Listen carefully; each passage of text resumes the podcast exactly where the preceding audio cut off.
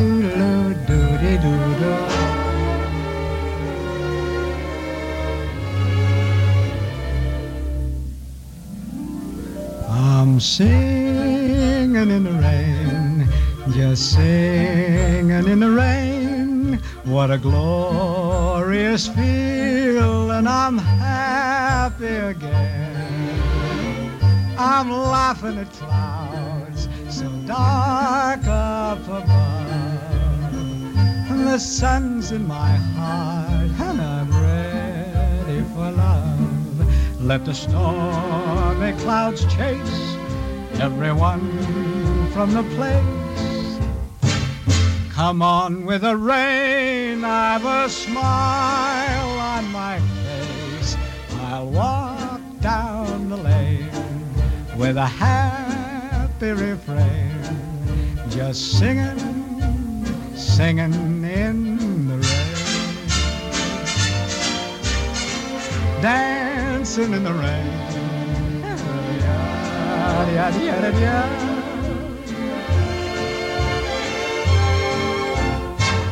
I'm happy again.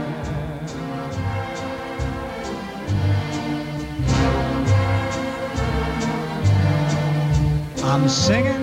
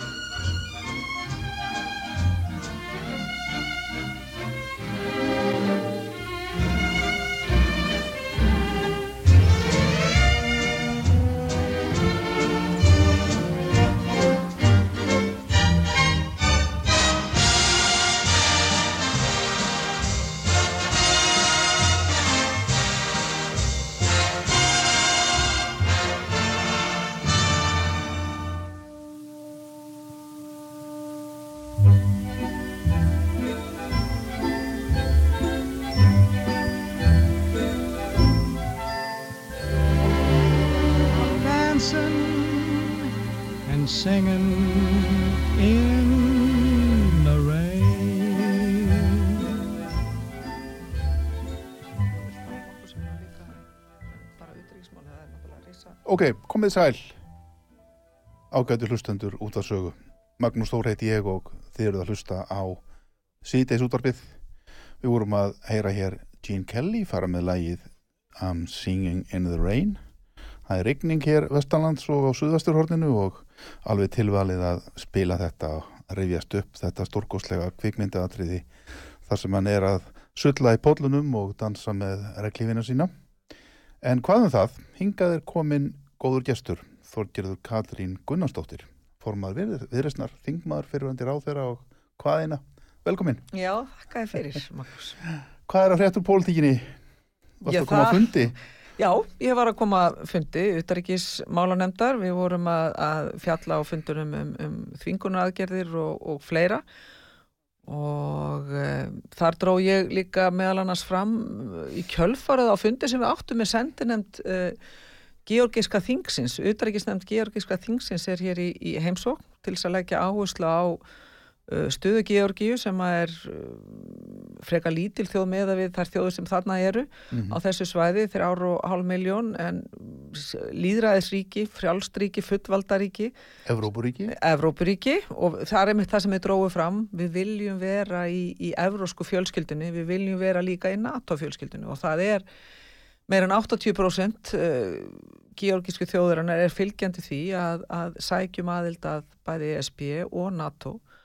Og þarna voru á fundunum í dag voru bæði stjórn og stjórnaranstað og þau voru algjörlega skýr á því að þau teldu bæði hagsmunni sínu betur borgið og líka kannski meira, meira svigrumi til þess að verjast ekki síst yfirgangi rússa sem eru svolítið mikið að, ekkert bara svolítið mikið, er með ótrúlega ósvipnum hætti að, að vaða bæði inn í Úgrænu en líka að, að sína hnikla vöðvana á öðrum svæðum hvort sem það er í Moldófu eða líka í, í, í Georgíu. Og þeir náttúrulega réðist inn í Georgíu 2008 og uh, tóku yfir þar uh, tvö héruð. Þannig að, að eðlilega eru þeir Georgíu menna uh, bæði smekir og leita allra leiða til þess að tryggja öryggi sinna þegna sem er náttúrulega frum skilda hverra ríkistjónar, Jú, jú. hvers stjórnvals að tryggja öryggi en, en líka svona tryggja uh, framtíðina þannig að þau, það er alveg ljóst að þau vilja vera með vestrænum líðræðisríkjum og, og þá verða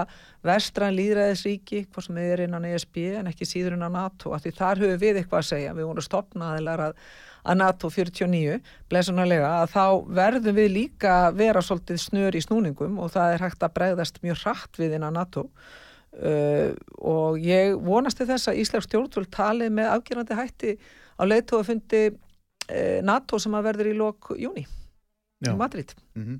Þannig að, að ég tók það síðan upp í utrygggisnefndinni að við myndum þrýsta mjög á okkar stjórnvöld að taka þessari umsókn uh, og, og uh, þeirra Georgi manna vel Þegar umsóknum uh, um aðelda NATO. Já, aðelda NATO. Við höfum því miður ekki það að segja, ég veit að þú er kannski kátum með það, við höfum lítið um það að segja innan ESB því að við erum sjálf utan ESB en, en þetta segir auðvitað mikið að Georgi vilji bæ, vera báðum stöðum en hvað getum við gert? Við getum alltaf beitt okkur innan NATO.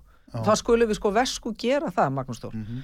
uh, og ekki bara við gerðum það á sínu tíma þegar Eistrasarlöndin lístu við sjálfstæði og þá gáttu við uh, sagt mjög skýrt og okkur uh, að við stæðum með þeirra og viðkendu þeirra, þeirra sjálfstæði um, og það er eitt af besta sem við höfum kannski uh, gert samlega því að vera aðilaðar að eða sko efnaðsvæðinu að, að uh, taka slíka ákvörðun og við eigum að gera það líka í, í dag. Ekki bara standa með Úgrænu og gera það sem þarf til þess að, að binda enda á stríðið eða, eða þrýsta á rússa heldur líka að, að hlusta á svona Evrópu þjóðu, líðræðistjóð sem að Georgi er og gera allt sem við getum til þess að hjálpa.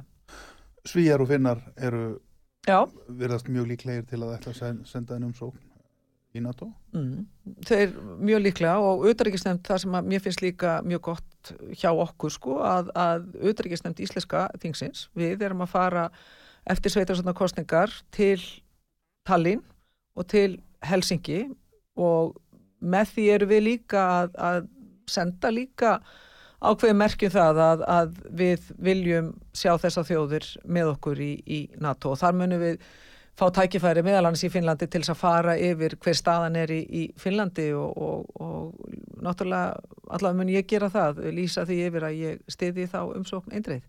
Utaríkisráþara hefur líst þessu mjög endrið yfir að hún stiði, að ríkistjónin stiði aðildarumsókn allavega að finna sá ég Já, og Svíja hlýtur að vera líka. líka, Er, þá eru allar Norrlanda þjóðnar komnar, komnar inn í, í NATO og, og, hérna, og við, það bara styrkir okkur, það styrkir okkar stöðu, okkar Íslendinga ef við tölum bara um okkur, mm. að fá bæði Svíja og, og finna inn og, og það getur svona norður hluti Európa orðið enn sterkari í, með, sína, með sín viðþorf til bæði varna en líka til líðræðis.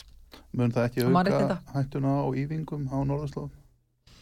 Það er nú, svo hætti nú þegar til staðar. Ég vil freka segja að þetta sé uh, fælingarmáttur fólkin í, í, í þessu og, og, og líka það að við erum ódeig gagvart því að, að spyrna við fótu þegar kemur að rúsum meðan að rússar eru með þessar stjórnum vel að merkja, við, ég vil greina á milli rúsnesku þjóðurinnar og, og, og annars vegar og hins vegar Pútín en, en það verður samt að segjast eins og er að, að rúsneska þjóðun hefur kosið hann ítrekkað uh, yfir sig uh, þrátt fyrir um, þann litla vilja sem hann virðist bera til líðræðis og, og mannréttinda og, og fleiri Það slíkar verðist hluta. sem rúsneska þjóðin stiði í raun og veru til dæmis þennan stríðsrekstur núna að stórum hluta Mm. það hefur verið bent á eitt til dæmis sem mér fannst svolítið áhugavert og það er það að ekki einn einasti rúsneski diplomati Mm. hefur, hvað hefum að segja leitað hælis á Vesturlandum vegna þess að hann væri á móti stríðinu. Nei, nei. Mér finnst það að segja svolítið mikið. Já, vissuleiti er það það og það má alveg hugsa á ræða það þú veist, hvort að rúsneskur almenningur búi við það sem að við kallum upplýsingafrelsi, tjáningafrelsi uh, og fleira. Ég efast um að svo sé. Um, en, en það er alveg ljóst að og kannski í ljósi sögunar að þá er uh, rúsnesk alþýðu almenningu svona frekar uh, vön uh, valdbóðstjórnun, vön einræðisherrum, vön því að hafa einn sterkan leitóa er ekki vön að hafa líðræði sem virkar kannski í einhvern smá tíma svona eftir að, að Jeltsin kom og, og fór Mm en, en síðan ekki, ekki mikið söguna meir og við uh, fyrir miður samlega þessu hefur síðan grassir að mikil spilling í, í, í skjóli ólíkarka sem á síðan er í skjóli Pútín -hmm. Já. Þú ert í auðaríkismálnend. Já, E eru þið mikið að ræða það, það, það heyrist eitthvað sem er svo lítið úr þessari nefnd í raun og veru, kannski svona út í samfélagið. Hvað, hvað hérna, eru þið í nánu sambandi til dæmis við ríkistjóðnina, utaríkisráþara, eru þið að krefja og ræða utaríkismál og, og velta fyrir ykkur hvaða stefnu Íslandi að taka hinum á þessum utaríkismálum, ef svo má segja? já sko ég vil bara draga það sérstaklega fram að, að mér finnst hún Þórdís Kolbrún utaríkisráþara að hafa gert afar vel og sínt mikinn vilja og frumkvæði því að, og meira frumkvæði heldur ég hef vanist á undanfjöndum árum í því að vera í samskiptum og samvinnu, Mm ekki síður. Ekki bara að koma og tala yfir nefndina heldur að tala við nefndina. Einmitt. og ég vil hrósa henni fyrir það hvernig hún hefur uh, unnið sína vinnu og, og telur emitt sem að ég hefði allatíð hugsað að, að hver utryggisráður ætti að, að, að nálgast utryggisnefnd með þeim hætti að hún getur verið styrkur fyrir hvernig ráður, hún getur verið stuðningur um, og það bara eiga samtalið og það þarf ekki endilega að vera já og amen samtal, heldur við getum fengið þá betri niðurstöðu ekki bara fyrir ríkisjóðan heldur fyrir landið okkar Já, já. uh, í þá öryggisaksmuna og svo, og svo framvegis. Þannig að já, uh, utryggisráðara hefur átt góð samskipti við, við okkur og upplýst okkur með reglum hætti og auðvitað eru mörg atriði þarna sem að falla undir uh, svona þagnar skildu nefndarmanna Mm en það er auðvitað ekki launuga mála það hafa verið viðkvað mál sem að hafa verið rætt í tengslu meðal annars við, við, við innræðsson í Úgrænu það er náttúrulega allir vita af, af vopnaflutningunum og, og við höfum rætt þá uh, hér uh, fyrir, fyrir svona tveimur árum þá, þá kom upp vopnaflutningamál hjá okkur sem að var erfitt og viðkvæmt en, en það er alveg ljóst að þegar við er stöndum frammi fyrir þessari miklu vá sem að innrásinn í Úkrænu er af halvu, af halvu rússa að þá spyrjum við okkur líka hvað getum við sem NATO þjóð gert? Við erum herrlaus þjóð en við getum lagt okkar uh, fram, okkar skerfur getur verið fólkin í því að auka meðal annars borgarlega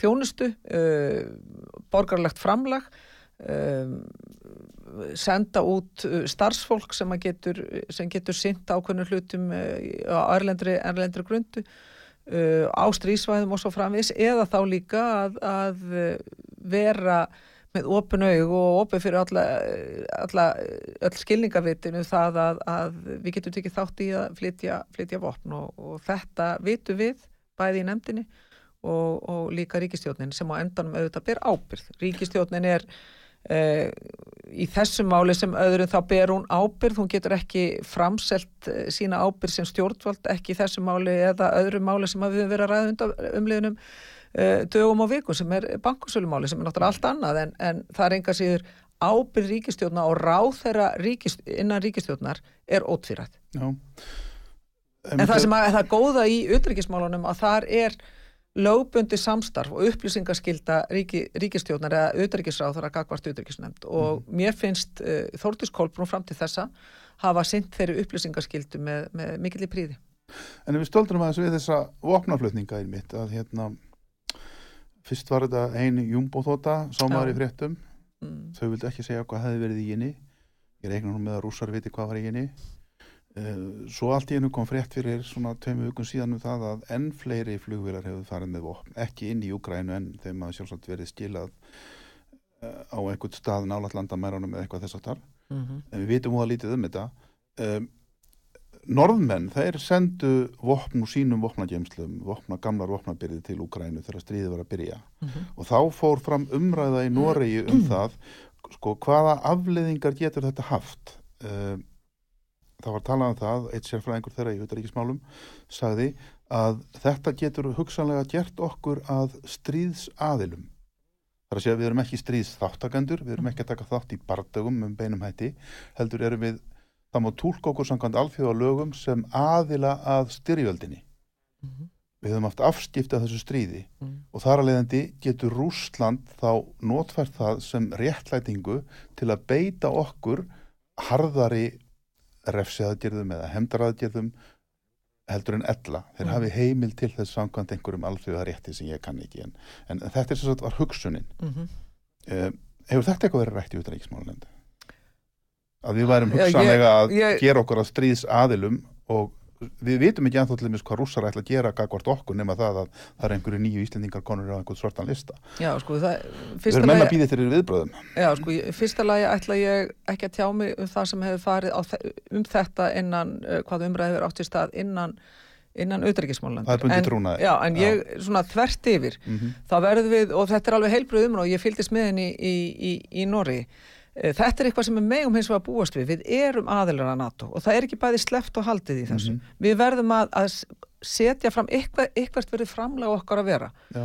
Og ég hef nefnt það við og ég hef lagt meðalans fram þingsalöftuna til um það að, að núna nýlega um það að efla okkar framlag til NATO mm -hmm. í formi borgarulegra mhm. þáttöku í, í, svona, það er ímis önnur atrið hvað við getum gert til dæmis á keflauguflugvelli uh, hvaða meiri þjónustu við getum uh, sett fram þar en við verðum líka átt okkur á því að alþjóðalög, við erum eiginlega svo þjóði í allavega Evrópu uh, sem er hvað mest háð því að alþjóðalög séu virt og þá er ég með huga að hafritundarsáttmála mm -hmm, samanið þjóna. Mm -hmm. Ef hann er ekki virtur, þá er landhelgin okkar ekki virt. Mm -hmm. Þá er okkar sjálfstæði, okkar fullveldi og okkar yfirðarréttur sem að þjóðina á, við þannig náttúrulega annar máli er hvort að við síðan á endanum höfum hana þegar við hérna, höfum við rástaðið þessu hér innanlands. En það er raun og segja, það er sjávarútispolítík. En þetta er, þetta er svo gríðalegir hagsmunni fyrir okkur að, að þessir hagsmunir uh, og þjóðir virði alþjóðalög og sáttmála þá verður við líka að leggja okkar að mörgum til þess að alþjóðalög, til þess að sáttmálar haldi og til þess að, að verjast uh, atlögu að líðræði sem að er núna, uh, liggur undir ámæli núna víða um Evrópa en núna sérstaklega í, í, í Úkrænu. Þannig að um, já, við megum alveg gera ráð fyrir því þegar við horfum þvert, eh, svona breytt yfir sviðið að það verði, e, það getur verið að rússar e, vilji tólk okkur sem hluta af, af, af hernaði eða þáttakandur með óbeinum hætti í hernaði. Ég held að rússa munu bara tjá sig og tólka hlutina bara eftir þeir sem þeir hendar og það getur vel verið óháð því hvernig þeir flokk okkur eða skilgrann okkur að þeir munu horfa á Ísland allt eins með bara sínu nef og sínum augum og ef að þeim, þeim þóknast svo þá bara senda þeir til dæmis kápáta hringin í kringum Íslandi og við vitum að þeir hafa verið að gera og þeir hafa verið að kortleggja um, alls konar hluti eins og til dæmis uh, ljósleðara og, og fleira. Þetta Vitum við vitum, já, já, við vitum þetta. Landríkskjallan er búin að segja þetta ofinbörlega og ég held að, að hérna að við áttum okkur á því að, að rússar eru, þú veist, þeir eru ekki bara í sænska sker, skerjagarðunum með sína kábáta, sko, það er ekki þannig. Nei, Og við, ég held að við um að hætta að vera uh, svona, uh, ég ætla alls ekki að segja blöyta bak við eirun, en við verðum átt okkur á því að það er, það er alvara, fúlasta alvara á, á ferð núna. Og við vitum alveg að rússar eru um allt með sína þreifara, mhm. líka hérna heima á Íslandi. Já, já. Ég, ég er- hef einmitt talað um það hér í þessum þáttum hjá mér og velt þessu mikið fyrir mér. Uh, einmitt það sko, hver er staða, hvað ég var að segja, varnarmála staða Íslands í ljósi þessa válegu atbyrða sem er að gerast í Európa núna, í Östur-Európu, Úgrænu. Um, erum við ekki alveg ræðilega berstjölduð hér á Íslandi? Hér er hægt að taka út innviði í tiltölulega einföldum aðgerðum í raun og veru án þess að við getum mikið rönd við reist. Það er hægt að slá hér út öllu rafmagni til dæmis. Er ekki vola mikið til. Já, Það er ekki að klippa okkur ljósleðar að sæstringi sjónum. Það er bara nóg að taka okkur rafmagni og dettur út heita vatnið og allt saman og við setjum bara hér í koldum húsunum. Ekki með símaðan okkur skapaðan. Já, ég held berskjöldu og ekki berskjöldu, ég held að, að bandi okkar sé ekki eitthvað miklu meiri heldur en margra annara þjóða hvort sem að við erum að tala um um Noreg eða, eða Svíþú eða jafnvel finna sem næstu nágrana, rúsa. Þeir eru þú með hér. Já, þeir eru allir með hér og það er, það er rétt og þess vegna hef ég sagt meðal annars í minni þingsulutuna tölugu um að við eigum að skoða það og fara í samtal við bandaríkin sem við erum líka með, með uh, tvílega samning við, varnarsamning við að uh, ræða bæði við þá og NATO-ríki að vera hér með viðverandi uh, veru varnalís. Ég tel að það, það skipta mjög miklu máli. Ég er ekki að tala um endilega að, að einhverjum bandaríkjumenn komi hérna og verði hér alltaf heldur að við getum líka farið aðra leiðir eins og það bara Európuþjóðir og bandaríki skiptast á að vera hérna. En bara við getum sagt, það er varnalið hérna, það er mjög stutt að grípa til ákveðna varna og ákveðna aðgerða ef að, ef að eitthvað bjátar á og það er á okkur ráðist og ég tel það vannmetið að hafa slíkan mátt sem að felst í þeirri fælingu, svona fælingarmátt. Og ég, en þetta er bara verið vera svona tabú og náttúrulega meðan við erum með vinstri græni í fórustu ríkistjórnar að þá er eins og þetta megi ekki ræða. Og mér finnst verra að upplifa það að, að flokkur eins og sjálfstæðisflokkurinn hann, hann er ekki fórist í umræðu um varnamálingur af því að hann er í þessu ríkistjórnarsamstæð Einmitt. og það finnst mér alveg sár grætilegt að því að hann meti meira heldur en í rauninni að vera í, í, í farabrotti í stafni þess að ræða hvers konar varni við viljum hafa og hluta því er einfallega að vega og meta kostina við það Uh, eins og til dæmis Baldur Þórólsson og fleiri sérfræðingar í háskólum hafa að segja veg og meta kosti þess að hafa hér viðverandi veru varnalis hvað fælst í því? Hvað fælst í því að auka framlegu okkar til NATO? Að því við erum herlust og viljum vera það áfram hvað fælst í því að, að hérna að, að, að ebla varnun okkar og þetta er bara svona þetta, þetta einhverjir vinstir græni í eitthvað husturíukast við bara höfum ekki að efna á því Já, akkur tökum við til dæmis ekki bara reynilega umræðan um það að, að varnarsamningur með barndaríkinu verði virkjaður og ný. Við fáum bara hingað, ég, ég hef sagt það hér í þessum þáttum og, og, og hérna, við fáum bara hingað flugsveit á Keflaugulvöll. Mm. Jafnvel að hér verði höfð aðstæða fyrir herskip, að þeir geti verið hér á Íslandi með herskip viðvarandi í landhelginu, kringu landi og við raun og veru afla sér reynslu og þjálfunar í því að vera hér á sjó á þessu hafsvæði sem er allt, allt annað hafsvæði heldur en til dæmis við bandaríkin. Að vera hér í alvöru illviðrum og, og hérna virkilega þurfa að takast á við það. Ég svolítið ráðingur á því að, að hérna hér kom bandarist herskip fyrir nokkrum árum og lág hér inn við Sundabakka og síðan þegar þeir voru að fara heima þá fengu þeir á sér brot og þá fór allt í klessu um borð. Þetta var bara vegna já. Að hérna, að hérna, ef við myndum virkja varnarsamlingi við mandarín, akkur segir engin stjórnmálmála þetta, þetta verðum við bara að gera í ljósið þessara ógnar, rússar eru gessanlega ódreikna leir, þeir eru greinilega stór hættulegir og, og hérna, við verðum hreinlega núna að endur skoða allt varðandi varnir og öryggi Íslands. Þetta hef ég nokkurt veginn sagt í þessari Já, já, og ég finnst bara mjög gott að hera þetta. Já, en það sem að, sko, varnarsamningurinn er virkur. Þú veist, hann er til Já, staðar, en, já, það er til virkja, staðar. en það þarf að virkja betur Já. og það, við þurfum að eiga frumkvæða því Mhm. að eiga samtal Einmitt. við bandaríkin um nákvæmlega þetta. Við þurfum líka að taka upp ákveðna umræði innan NATO til þess að, að, að treysta okkar varnir og öryggi. Mhm. Hvað þýðir það að, að hérna, og hvena getum við virkja fymtugreina? Er það til dæmis að því þú varst að nefna uh, innviðirnir okkar væri, væri brótættir ef þeir gert árás á, árás á okkur? Það getur vel verið að við tólkum það sem, sem árás á okkur og árás á okkar þjóðuröryggi ef að neturöryggi er laskað eða innviðir uh, dett út.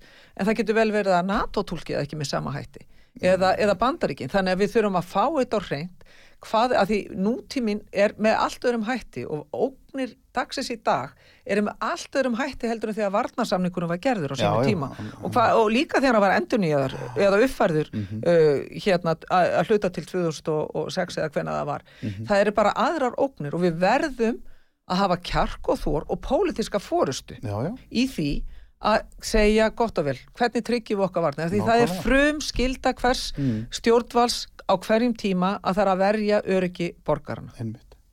Og hérna, uh, ég held að það sé bara brána öðsult að þessi umræði fari fram og bara fari fram með fullur hreinskilni og já. alvöru.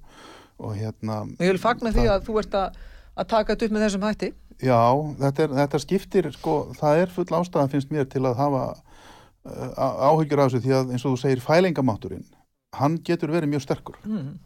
En, en eins og staðan er í dag að þá, þá er einu veru, er alveg hægt að setja bara nokkra vikingar sveita herminn á land einhvers þar hér á Íslandi og þeir geta bara að fara á réttu staðina og bara tekið landið út. já, Það er bara þannig. já, já. Og við getum ekki gert því að við höfum engar ekki til að senda gegn þeim nema kannski hér eru endrum og sinnum einhverjar orstuþóttur í loftrýmisgæslu og hinga að koma herskip á og til sem í sjálfu sér er gott að blessa en, en það í sjálfu sér er ekkit annað en bara það að menn eru bara sína flaggið mm. og Já, já. Það, það, það að já, ég held að sé- þetta sé bara, bara því miður. Heimurinn er bara orðin svona allt í einu. Já, já. og þess vegna tel ég allavega næsta skref er að við vegum að metum þetta og setjum þetta allavega á dagskrá. Algjörlega, en þetta er ekki á dagskrá. Nei. Það, og það er hættulegt.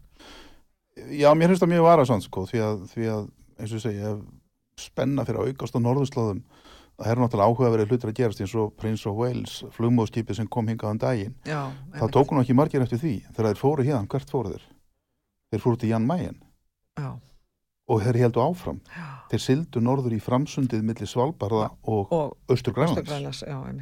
Og þetta var náttúrulega bara gert til þess að sína Pútín og þeim að þið skuluð bara hafa ykkur hæga. já, já En þá fyrir maður að velta fyrir sér er eitthvað sem menn vita vita menn eitthvað um hugsanlegar fyriráallanir kannski maður orðin svona hálf paranoid, ég veit það ekki en, en maður, maður, maður veltir þessu fyrir sér því að þetta eru mjög alvarlegi hlutir Mm. Það er ekki af ástæðuleysi sem að rússar hafa líka sint norðurslóðamálum Já, meiri áhuga já. síðisliðin ár. já, já. Það er engin tilviljun og það er heldur engin tilviljun að, að kínverjar er að gera sig meira gildandi og vilja með fullum hætti taka þátt í Já, ákveðnum já. ákvörðunum og, og aðkomu á, á norðurslóðum og inn á gegnum norðurslóðaverkefni. Ég, hef, ég hef sagt að hér í þessum þáttum rússar getur til dæmis tekið Svalbarða mjög öðvöldlega það er ekkit mál. Mun einhver, Svalbarð er ekki í NATO. Nei, nei, Svalbarð er bara Terra Nullius. Já, já, og hérna, þeir geta bara sendt herskip og kapóta og, og það svona flugulan og allir Svalbarð Mm. og hirt hann í einu Mm, vetfangi mm. þá eru þeir konum með líkil aðstöðu bara skákum át á norðurslóðum. Já, já, það er bara það þannig er bara þannig. Og hérna mun einhver fara í heimstyrjöld fyrir Svalbarða það ég varst ég um Nei. mun einhver fara í heimstyrjöld fyrir litla Ísland að það verður ráðast að það þó Já, að við höfum NATO Já, ég ætla Nei, ekki að líka þessu saman, Magnús. Nei, Ég ætla en ekki að fara í sko, einhverja þú heimsendarspá veist- hvað nei, þetta var. Nei, ég er ekki að tala um heimsendarspár Nei, en ég, En- sko, þetta er rétt hjá þið varandi Svalbarða. Já. Það er bara þú veist, Svalbarið er ekki innan NATO-svæðisins og, og NATO-ríkin er þið mjög trega að fara þangað og verja ekki nema bara að það myndi bara Stoltenberg myndi sem norskur uh, frankvæntastjóri NATO geta beitt sér með, með, með því líka hætti. En, en, en uh, Ísland þar er fymta greini mjög skýr og hefur alltaf, alltaf verið. Og ég man hérna fyrir tveimur, þreimur árum að þá var uh, hérna flugmóðskip sem, sem að kom hingað uh, hérna, Þú fórst nú um borðið það? Já, já, ég fór um borðið það. Og fólk alveg var á innsóðinu fannst til hvað, þú veist, þá var fólk ekkit að átta sig á hvað skiptir máli mitt að sína þessu áhuga og líka að fara heimsækja þetta og sína lýsi við stuðningi við svona aðgerðir líka.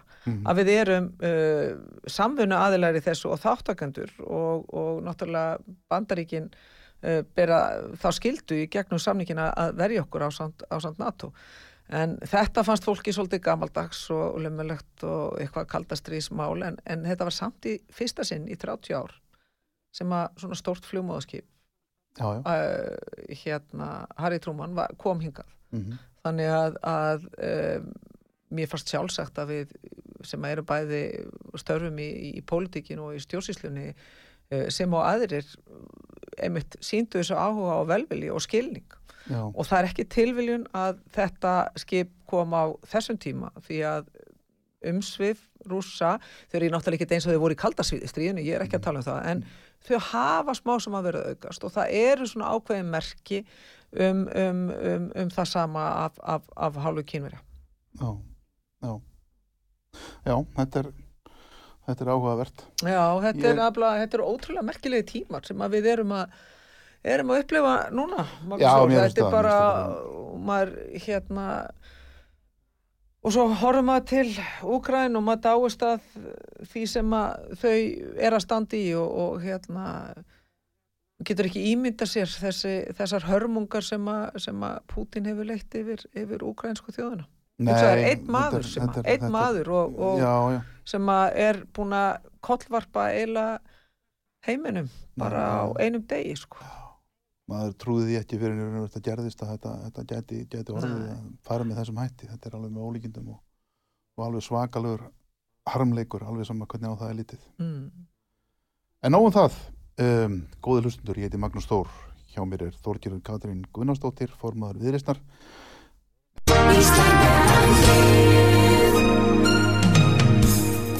Styrtareikningur útvarpsögu í Íslandsbanka á Granda. Útubú 513, höfubók 26, reikningur 2.11.11. Nánari upplýsingar á útvarpsaga.is. Takk fyrir stöðningin. Þurfum að taka auðlýsingal hér núna, en komum aftur eftir smástund. Síðdeis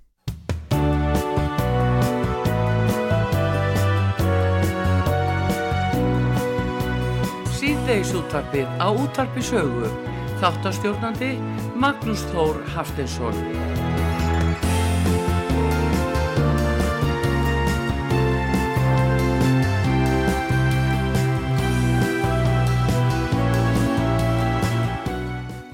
Komið sér latur, Magnús Þór heiti ég. Við erum hér í síðdeis útvarpinu.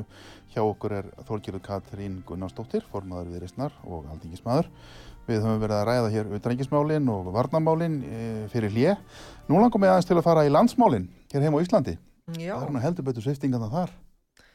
Já, það er eitt og annað sem, að, sem, að, og sem að hefur verið að, að gerast Hálfa væri hellingur, segi ég. Já, ég, það er má alveg segja uh, takkmyndi með, með hvað það varðar og, og ég verið að segja að ríkistjónin er nú frekar heppin hérna, hvað það varðar að hafa ekki þingið yfir sér að, að spyrja frekar um, um bankasöluna eða, eða e, vond ummæli framsóknar formansins um, um, um hérna, Íslendinga og svo framvegist þannig að, að hérna maður vona Já. bara að, að, að minni kjósenda sé aðeins, aðeins lengra heldur en það hefur verið fram til þessa og, og, og þá meira eftir að ég held að ég, ég trúi Lilju þegar hún segir að það er meira eftir að koma í ljós hún sagði það fyrir, fyrir páska og, og ég gerir áfyrir að svo, svo verði en það sem er kannski svona það er margt skrítið þessa dagana en það, maður finnur uh, það hvernig sko þau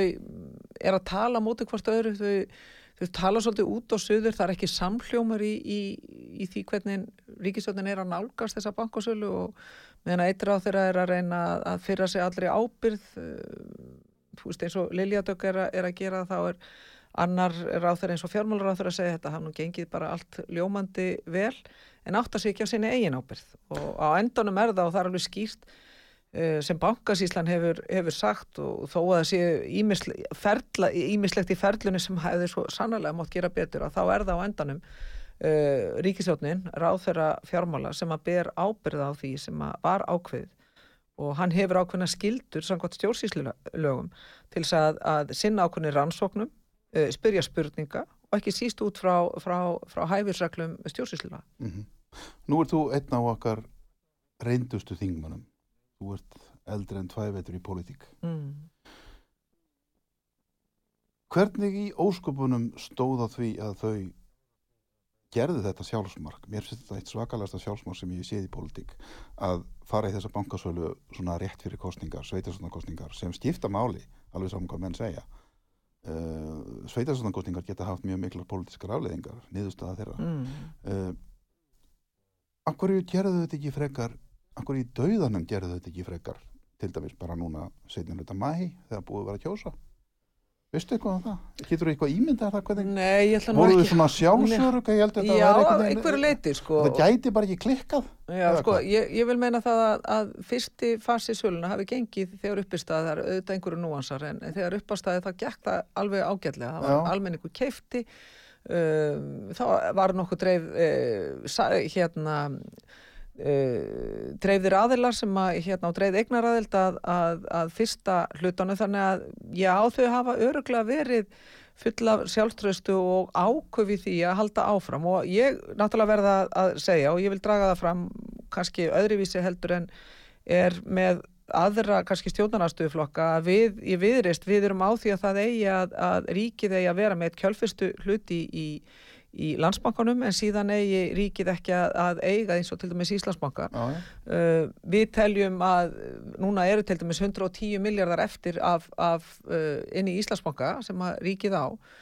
og ég hefði frekar kosið ekki síst í ljó, ljósi mjög bárar skuldastöðu ríkisins að við hefðum fengið þá fjármunni til þess að greiða annars vegar niður skuldir og hins vegar að fara í innviðuppbyggingu í, í það að byggja upp uh, hvað sem eru samgöngur eða, eða fjárfest í öðrum innviðum. Uh, og það er helviti súrt fyrir ekki að ég blóta, það er ansi súrt að, að, að sjá það að þetta klúður þeirra, þetta ofbáslega yfirgengilega klúður þeirra og sinnuleysi að, að, að gera þetta ekki rétt hefur leitt til þess að erum núna först inni með, með, með uh, hlut okkar í Íslandsbanka, þess að 110 miljardar Það er bara- það er 110 bara miljardar, þau eru búin að þau lýsa yfir vantröst á Já, Þau, bara eftir að þetta gerðist Mhm. þá lýsti ríkistjórnin yfir vantröst á sjálfu sér með því að segja, heyrðu, við treystum okkur ekki til að halda áfram með, með, með söluna uh, og eru búin að fresta það í rauninu út í hið óendilega og það er held ég alveg rétt mat.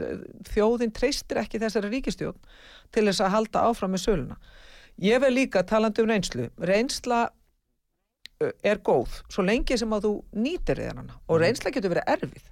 Reynsla getur verið sár og vakið upp erfiða minningar. Uh, en þú verður eða þú ert í pólitík þá verður að reyna að nýta hana. Og ég náttúrulega uh, ég með líka með, með mína fortið úr pólitík og úr stjórnmálum verða að hugsa hvað var hægt að gera betur ég er margóft búin að segja þetta í gegnum þetta í, í viðtölum, bæði með mistöki sem voru gerða á, á sínu tíma, bæði minni hálfu og annara og svo framvis Mhm. en, en gott og vel þá reynur að halda áfram og áttar þið á í dag eru þær aðstæður að við, það er rétt að selja hlut ríkisins í bankunum en við verðum að fara ofur varlega í það það er mjög stutt síðan að hrunni var og þó að, að það séu 14 ár Já. það þarf svo lítið til þess að, að, að uh, svona tryggara fram, draga fram tortrygni, uh, neikvæðni, reyði og þetta bara mátt ekki gerast Nei, nei. bara ef einhverjir átt að vanda sig í þessu máli þá var það sjálfstæðisflokkur Mhm. og það bara var ekki að vanda sig þó að ég er ekki að, að, hérna, að segja að þetta hefur verið gert með ásettur á því síður en svo ég ætla bara mönnu það ekki Mhm. en menn átt að vera meðvitaður um að hvert skref var erfitt. Það var það stíga varlega til jarðar og sérstaklega þegar, þegar það ferli er lokað að þá var, verða menn að gæta á svona prinsipmálum eins og hæfisreglum stjórnsýslulaga eins og það uh, ákverju verið að, að, að fara veist, hvað annað erum við að gera heldur en í þessu ferli að því við erum að líta, við erum að fara að svipa ferli það verið bent á Holland og verið bent á aðra, aðra þjóðir við erum bara ekki komið lengra þetta litla samfélag okkar í, í, í kunningjasamfélaginu. Og þá má alveg spyrja sig hvort að þessi leið hafi þá verið réttust fyrst fyrst að við erum ekki komið lengra. Mm. en ég vil undistrykka það að viðreist hefur stuttferðlið fram til þessa. Við uh, teljum það, það rétt skref að losa um hlut ríkisins í, í fjármálastofnunum en aðferðin uh, vinnubröðin ábyrðin er ríkistjónar og hún getur ekki verið að fyrra sig þeirri ábyrð uh, hún getur ekki verið að benda á þingi, hún getur ekki verið að benda á sérfræðinga, hún getur ekki verið að benda á bankasýsluna Nei, nei. í þessu fælst pólitísk já. við getum alveg séð að ríkisendurskoðan og það er alveg rétt allt í læg að, að fá ríkisendurskoðan í þetta en hún fer ekki yfir pólitísku ábyrðina hún fer ekki yfir stjórnsýslu hérna, yfir siðferðislega hlutan hún metur ekki hvort að lög hafi verið e, e, hérna lagareglur og siðareglur ríkistjórnar hafi verið, verið brotnar. Þetta metur ekki ríkisendurskoðan og þess vegna sögðu við meðal annars í, í stjórnarhanstöðinni að það er betra að fá rannsóknarnemnd sem hefur viðtakari heimildir til þess að fara, fara yfir allt, allt ferlið og mér finnst vond að, að ríkistjórnir skuli vera draga málið á langina því það er ríkir hagsmunni fyrir okkur sérstaklega okkur sem að viljum halda áfram með ferlið að það reynsist sem fyrst að, Já, við, já. að, við, að við klárum að fara yfir þetta á gegnsæjan, raunsæjan uh, einlagan hátt en ekki svona svolítið eins og maður hefur á tilfinninguna já þá bara svolítið að humma málið fram af sér Svona rannsóknarnefnd gæti hafið störf og verið búin að skila af sér bara áður en þing kemur saman í haust. Já, já, já, já, þú veist, þetta er bara ekki spurning. Það væri hægt að, hægt að gera, vinna þetta hratt og, og, og, og vel. Og Gæti ég hefði talið líflína að- fyrir ríkistjónina. Já, gæti verið líflinna fyrir ríkisjóðan en gæti líka verið þessi grundvöldu sem við þurfum á að halda til þess að geta tekið næstu skref Einmitt. meðan að við fáum ekki upplýsingar meðan við fáum ekki allt upp á borðið þá mun þjóðin ekki sætta sig við það að við tökum fleiri skref og mér finnst svo vond að þurfum að, horfast í augu við það að, eh, sem, sem fórustumanniski flokki sem að telur að ríkisafskipti sé ekki það besta allstaðar Mhm. en við, ég undirstryka, við, viðreist vil uh, halda eftir stórun hluta í landsbankanum og telur að það sé hægt að útfæra það með þeim hætti að, að við getum ítt undir annars vegar almannahagsmunni en líka ekki síður það að tryggja þá samkeppni og vera með, með uh, raunverulega samkeppni sem að ítir við hinnu böngunum og ég veist það eiginlega líka í þessu ferðlöðlu Magnús Þór að, að ég hef ekki heyrt ráðþöra fjármála, ég hef ekki heyrt fósutisráðþöra, ég hef ekki heyrt ráðþöra viðskipta fjalla neitt um samkeppni þessu samfélag. Við erum með dýrasta bankakerfi heimi, við erum með dýrastu fjármálaþjónustu í heimi, við erum með uh, líka dýra í, og dýrastu vátringingastarfsemi í heimi. Af hverju er það? Auðvitað segi, segi ég náttúrulega stærsti partur og stærsta ástæðan er að erum með ónýta gjaldmiðl og við verðum að fá nýja gjaldmiðl. En það er ekki verið að hugað öðrum þáttum samlega þessu. Samkeppni uh, er svo gríðilega mikil, við verðum að íta þessari fákeppni, af því það er fákeppni á banka og fjármálamarkaði og vátringamarkaði hér, þetta er OECD margótt búin að segja, um, þetta hafa, já til dæmis fórstjóri Deutsche Bank sagði, heyrðu, við höfum ekki áhuga að koma hérna í, inn í þetta umhverju og sérstaklega ekki þegar þið eru með hana gjaldmiðla, það, þetta bara býður hættunni heim, það er verið, bankarnir eru að taka uh, þóknarnir fyrir alls konar hluti bara það, hvað heldur að þið taki inn bara fyrir það að skipta úr erlendu gjaldmunni, hvað sem það eru efri dólar eða eitthvað yfir í Íslenskt eða, eða öfugt. Hvaða, hvaða þóknarnir heldur þið taki á, á til dæmis á, á lán, hvað sem eru verðtrygg eða óverðtrygg. Þessar þóknarnir, þessi þóknarnagræðki sem er hérna heima, miða við það sem við erum að sjá annar staðar, þetta er ekki lægi og ég, þess vegna, þetta er hluta því sem að ég segi skoðum áfram að, að halda áfram með uh, aldarumsóknunar á Evrópusambandinu. Sjáum hvað kemur út úr aðeldavirðan. Sjáum hvaða þýðingu það hefur meðal annars fyrir fjármálamarkaðin. Þetta að fá bæði evru og samkefna fjármálamarkaði væri mesta kjarabút fyrir launþegur og, laun, og launþegarhefinguna og við erum núna uh, með framundan uh, mjög erfiða kjarasamninga og ég veit ekki hvaða, hvaða spil ríkistjórnan ætlar að, að spila verandi með ekki bara fákeppni á, á bankamarkaði heldur líka sko massíft skuldsetta ríkisjóð sem er í miklu vanda ekki bara út af því að hann skuldsetti sig út af, út af uh, faraldrunum heldur eins og fjármálaráð hefur núna með mjög, bent á með mjög harkalegum hætti að fyrir COVID, fyrir faraldur var ríkistjórnir þegar byrjað að eigða um efni fram. Við vorum orðin með ósjálfbæna ríkisjóð, þar að segja við vorum með meiri skuldi, við eittum meira heldur en við öfluðum og svo hafa menn hér, ríkistjórnin hefur verið reynd að, fela þetta út af faraldrunum en nú eru búin að fá það svart á, já. svart á hvítu frá fjármálaráðinu nákvæmlega það sem að viðreisn er búin að vera að vara við allan tíman ríkistjórnin er að eigða um efni fram og þessi ríkistjórn byrjaði ekki vel hvernig byrjaði hann? Hún byrjaði á því að fjölga ráðanutum stokk upp í, í ríkistjórninu alltilega hún getur gert það en þetta kostar 2 miljardar og vel það á kjörtíðanbílinu og mér finnst það ekki góðsviti að byrja á því að eigða um efni fram setja í, í, í, kerfið e, fjármunni sem við hefðum ekki betur geta nýtt í aðra hluti hvort sem er að greiða niður skuldir eða einfallega bara að fara í innviða uppbyggingu eða niður greiða sjálfræðþjónustu Núna er augljóst að það syrtir í álinn í efnagasmálum, alveg saman hvað hver segir. Mm. Það eru vaksta ákvörnundagur á morgun, Já, það er um að Sælumankin muni hækka stýrivexti um ja, kannski allt upp í 1% hver Mm. veit. Verðbólgan er konum 7,2% já, og á örgleitur að hækka. já, Það eru miklar maturverðshækkanir og bara nú í dag eru fréttir um það að já, fólk uh, er farið að taka eftir því að matur er að hækka mjög í verði. mm. Um, hvernig viljið þið í viðreist bregðast við þessu? Hvernig viljið þið koma heimilunum til hjálpar, fólkinu í landinu til hjálpar í þessum aðstæðum? Þetta getur farið mjög illa með okkur eins og við lærðum í hruninu. Já, já, þetta getur farið mjög illa með, með fólk og ég held að, að við þurfum að hugsa að því að náttúrulega okkar svar fyrir þetta hefði náttúrulega alltaf verið með stöður í gjaldmæli væri við með lægri vakstabyrði það sem að þetta er að gera Já, með, með, en- með verðbólgan og núna væntalega enn hærri vextir. Þetta er að gera, þetta er að sliga og mun á endanum sliga ríkisjóð Já, við munum þá sjá eh, mikla erfiðleika hjá ríkistjórnunni til að koma til móts við uh, verkalýsreifinguna og, og samtöku atvinnulífsins í, í, í kjaravera.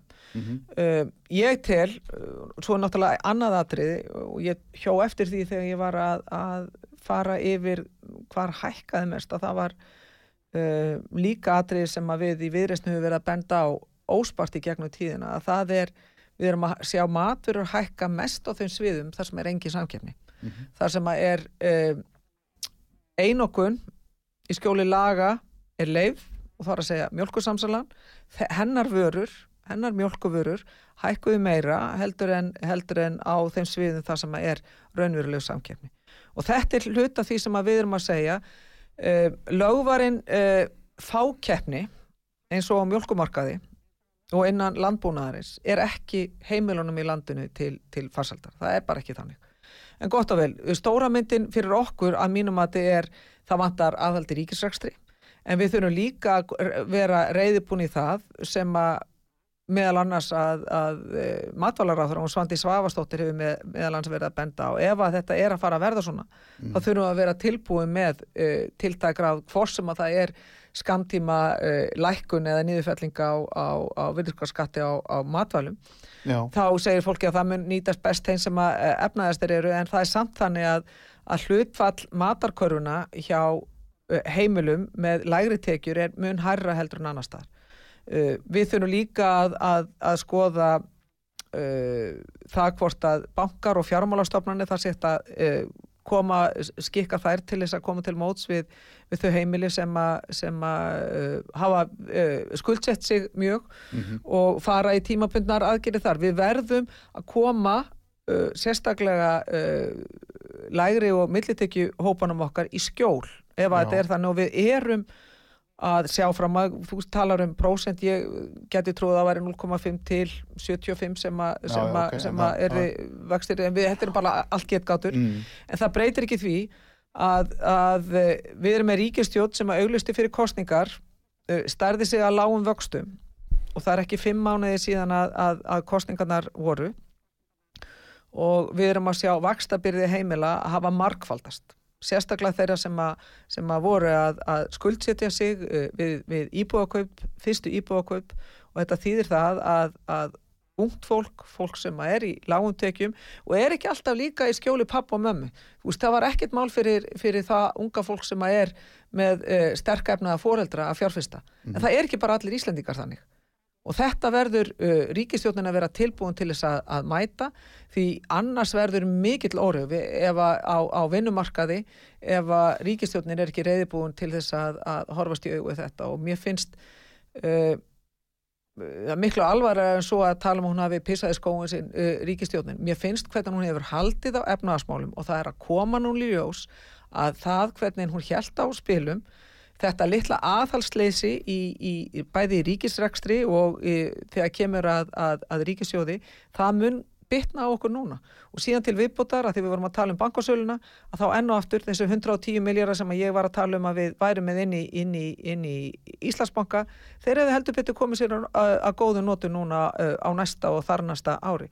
Og það, það er búið að gera ráð fyrir slíku fjármunum í fjármálastefnunni til, til lengri tíma. Og þá verður ríkisjónin líka bregðast við uh, því hvernig hún ætlar að brúa það bil. Hvað, hvað ætlar hann að gera núna þegar við stöndum frammi fyrir, fyrir gjaldugum á, á erlendum lánum? Mm -hmm. uh, ég hef voðalega auðvilt að sitja og segja I told you so en við vorum allan tíma þegar við vorum að tala um að fara hraðaleið með því að reyna að taka upp uh, efru og annað gjaldmeil, það var til þess að reyna að koma ríkinu í skjól þegar kemur að vaksta byrði og vaksta kostnaði. Meðan við erum með íslensku krónuna, erum að borga verulega hægri, hægri vexti og meiri vexti á erlendur lánu sem við þurftum að taka eða sem ríkistjónan ákvaða að taka, við stuttum það ekki uh, heldur en við hefðum þurft að gera.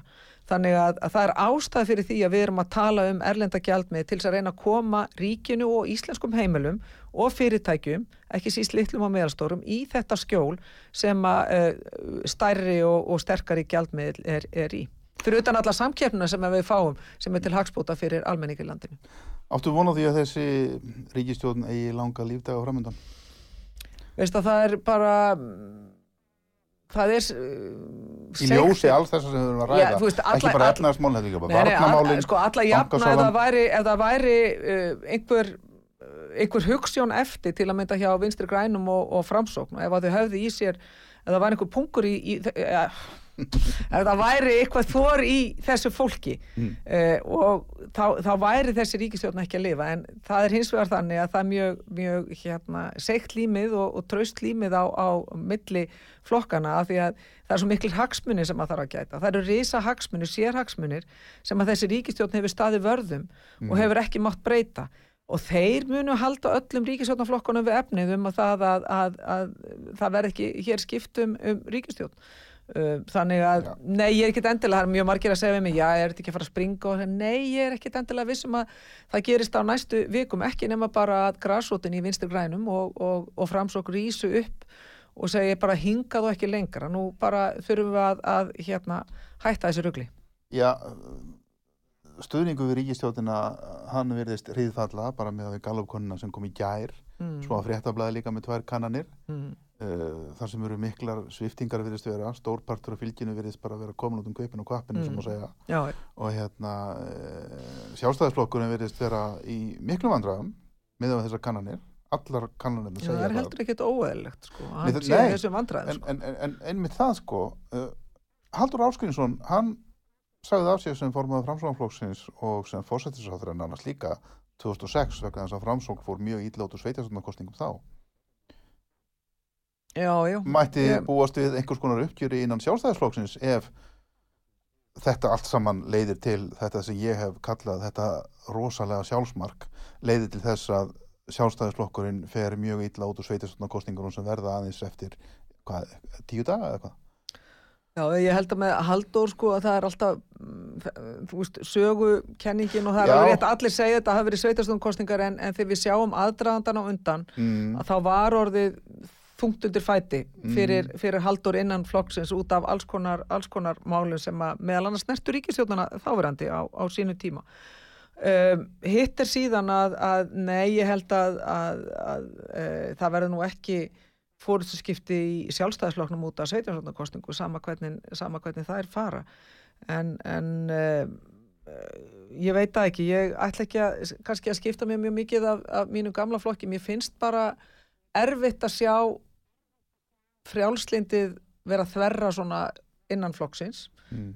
uh, mér finnst erfitt að sjá uh, fólk hvernig bara það talar um sveitjastjórnamál uh, hvernig það talar um samgöngumál. uh, það að það með ekki nefna borgarlínu á nafn eða þéttingu byggðar eða, eða hvað það er uh, að þá, þá er einhvern veginn að þau það er engin framsýn það er engin fórista það er, það er, það er allir í kaplöpi við að, að uh, forðast uh, svona kjarnamálsins sem eru svona ákveðnar hugssjóni sem á sínu tíma sjálfstæðislokkunum þó stóð fyrir. Ég greini þar ekki dag. Nei. Þið viðreist, það er að koma borgarstofnarkostingar, já, borgin er náttúrulega kannski svona mikilvægast, en þið er náttúrulega við, með, með frambóð víðaranland líka. Já, já. Eða þáttangendur í frambóð. Já, við erum, þáttak, við erum með svona ímsum flokkum víða og svo erum við að bjóða fram á uh, sér hér uh, meira minna á höfuborgarsvæðinu öllu í Mosulbæ, Kópavói, Garðabæ Hafnafyrði mm -hmm. uh, og svo náttúrulega auðvitað, auðvitað Reykjavík sem að, að mínum að þið hefur þegar upp finnst mér gaman að, að sjá hvernig borgin er að þróast og líka bara ég finn það þegar fólk mitt sem býr í útlöndum er að koma heim og er ekkert endilega með puttan á púlsinu þegar kemur á pólitíkinni alltaf sko, mm, að mm. það segir bara vákvað, það er gaman að sjá hvernig borgin er að þróast og, og, og allt það, auðvitað hefur þetta ekki verið gallalust, hvað með góðir og ég, maður hefur stundur rétt hársett yfir ákveðnum þáttum og, og hlutin en, en stóra myndin er svo að mér finnst um, hafa verið tekið skinsamlega á málinn hjá borginni. Þetta er, þú veist, ég hlæ alltaf upp á því ég heyri hérna möndrunni hjá sjálfstæðsloknum að, að hérna um, um skuldsetningu og fleira þegar Reykjavíkuborg er minnst skuldsetta sveitafélagið á söðu vesturhóttinu. Ég kemur Hafnafjörði sem er mest skuldsetta félagið, bæjafélagið á, á, á höfuborgarsvæðinu. E, það er það bæjafélag með sjálfstæðslokk og framsóknarflokks. Það sem okkur fækkaði, það vantaði bæði íbúðir og, og atvinnlóði en okkur íbúðum í Hafnafjörði fækkaði ég held að það verið tvísar afhendur blómundur að 30.000 íbúina á, á, í Hafnafjörði en okkur fækka alltaf nýri 29.000 og eitthvað þannig að, að hérna, nei það hefur ekki verið haldið, haldið mjög gifturlega á, á málu þar sem annar stað fyrir utan svona kannski þegar maður hóðið með svo Garðabæ og, og Seltjarnanið það sem hefur búin að vera meirluti alltaf sjálfstæðismanna ítrykkað að þeir hafi ekki dug í sér að hafa almennilega félagslegar íbúði hvað þá sinna uh, fölluðu fólki uh, með einhverju reysn og, og dug og einhverju metnæ mm. Ég fæ nú oddvita ykkar hér í borginni til mín á morgun þannig að við munum þá endilega geta svona rætt borgamálin ítalega þá. En, en uh, já, þú segir að þetta samstarf ykkar í meirulutunum hafi verið farsælt og svona já, hilti við þá ég... ánað með það Já, ég, heilt yfir er ég, er ég mjög ánað með og ég segi líka sko, blessunlega var, var viðrist þarna bara upp á svona ákveðin prinsipmáli, svona mér sé mentamáli, ég leini því ekki að, að við erum á öndverðu meiði við, við bæði samfélkingu og vinstri græn þegar kemur að mentamáli, við viljum valfrelsi í, í skólamálum, við viljum bæði treysta þið ofinbera framtakan líka sjálfstætt starfandi skóla, uh, við komum því í gegna við lekkuðum fastegnagjöld á atvinnuhúsnaði, það hefði ekki verið gert þessi minni skemmtilegu máli eins og til dæmis eins og hoppjólinn hérna, hlaupa rammarshjólinn að, að, að, hérna, að það, það var frelsi á þeim markaði meðan að það voru ekki endilega allir sem að voru þar.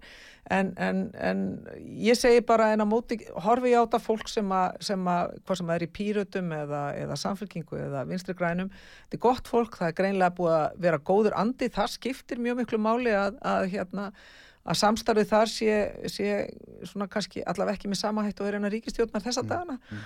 og traust á milli fólks innan svona samstarf sem að er ólíkra flokka, því þetta eru ólíki flokkar að það er ótrúlega dýrmætt og, og Það hefur verið fyrir hendi alveg. Já, það fyrst mér hafa verið fyrir hendi og, og hérna og ég er líka mjög stolt bæðið af Lóu en ekki, ekki, ekki síðu Pavel og mér finnst bólkin bara skemmtilegri með, og betri með, með Pavel sem hefur Eh, svona eh, gert komið fram með, með ákveðna nýja sína og ákveðnu svinni fyrir utan að draga það fram hversu óbáslega stefnulist til og með framsáknarflokkurinn er í, í, í þessu málu öllu í borginni að það er oft bara átakalegt að horfast, horfa upp á það hvernig framsóknarflokkurinn ætlar að sigla enn og aftur á því, því flegi að, að hafa ekki neina afstöði í neina málum bara geta svona hagað seglum eftir vindi hver býður best hverju sinni Það er alltaf að vera á móti flugvellinum. Það er, Nú er þið komnir á já, það? ég held að það hafi komið fram um daginn, já. Hmm. Nú það er, Sem allir það er fráfram ágætt. menn séu sáttu við það. Já,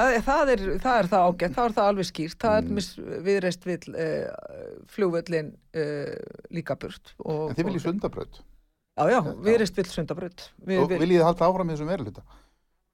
það er bara lóa að svara. Ég Já. segi, ég En þú ert segi, formaður flokksins. já, ég segi samstarfið hefur gengið vel Mm og það er eðlilegt að þessi flokkar tali fyrst saman þegar, þegar samstarf hefur gengið jafnvel og, og svona nokkuð snurðulust eins og það hefur verið. Auðvitað hafi, veit ég að það hafi verið átaka en fólk hefur það bara leista sín á, sín á milli og það finnst mér vera heilbrygt, mér finnst það vera gott og það er í þáu uh, borgarbúa. Já. Þannig að uh, ég hérna ég er bara svona gegn okkur bjarsind í kostninga en ég segi já, ég er fegin ef að, eða, ef að framsókn ætlar að fara að vera núna á móti flugvöllunum uh, því að, að ég hef ekki heyrt framsóknarmenn í, í þinginu tala með, með þeim hætti en, en ég vil líka bara ganga lengra og segja og það er það sem ég hefði gætna vilja fá frá meirlutanu núna að það verði alveg skýrt að bara flugvöllunum fari og það við þurfum að fara að taka ákvörðum það hvert hann fer og ég held að uh, og ég tel að það verði bara best að segja að heyrðu, hann fer til keflaugur við fyrir bara strax í það að, að byggja upp lest. Gefum fólki ákveðina framtíða sín förum í lestaruppbyggingu og flytjum uh, flugvöllin þá uh, suðum við sjó. Einmitt, já. Þorgjörur Katrín Gunnarsdóttir, tím okkar er á þróttum. gaman að fá að koma. Já, Skemmtilegt takk fyrir spjall, bara mjög skemmtilegt spjall og hérna, gangið bara vel. Já, sem er leiðis, og hérna, ég segi bara svo kynverðanir, við lifum á áhugaverðum tímum, heldur betur heldur betur, þannig að það eru nóg að tala. já, nóg að tala takk Góðu- fyrir mig og farið vel með þig Já, sömulegis. Góði hlustundur, þið líka, farið vel með ykkur. Takk fyrir að hlusta. Verðið sæl.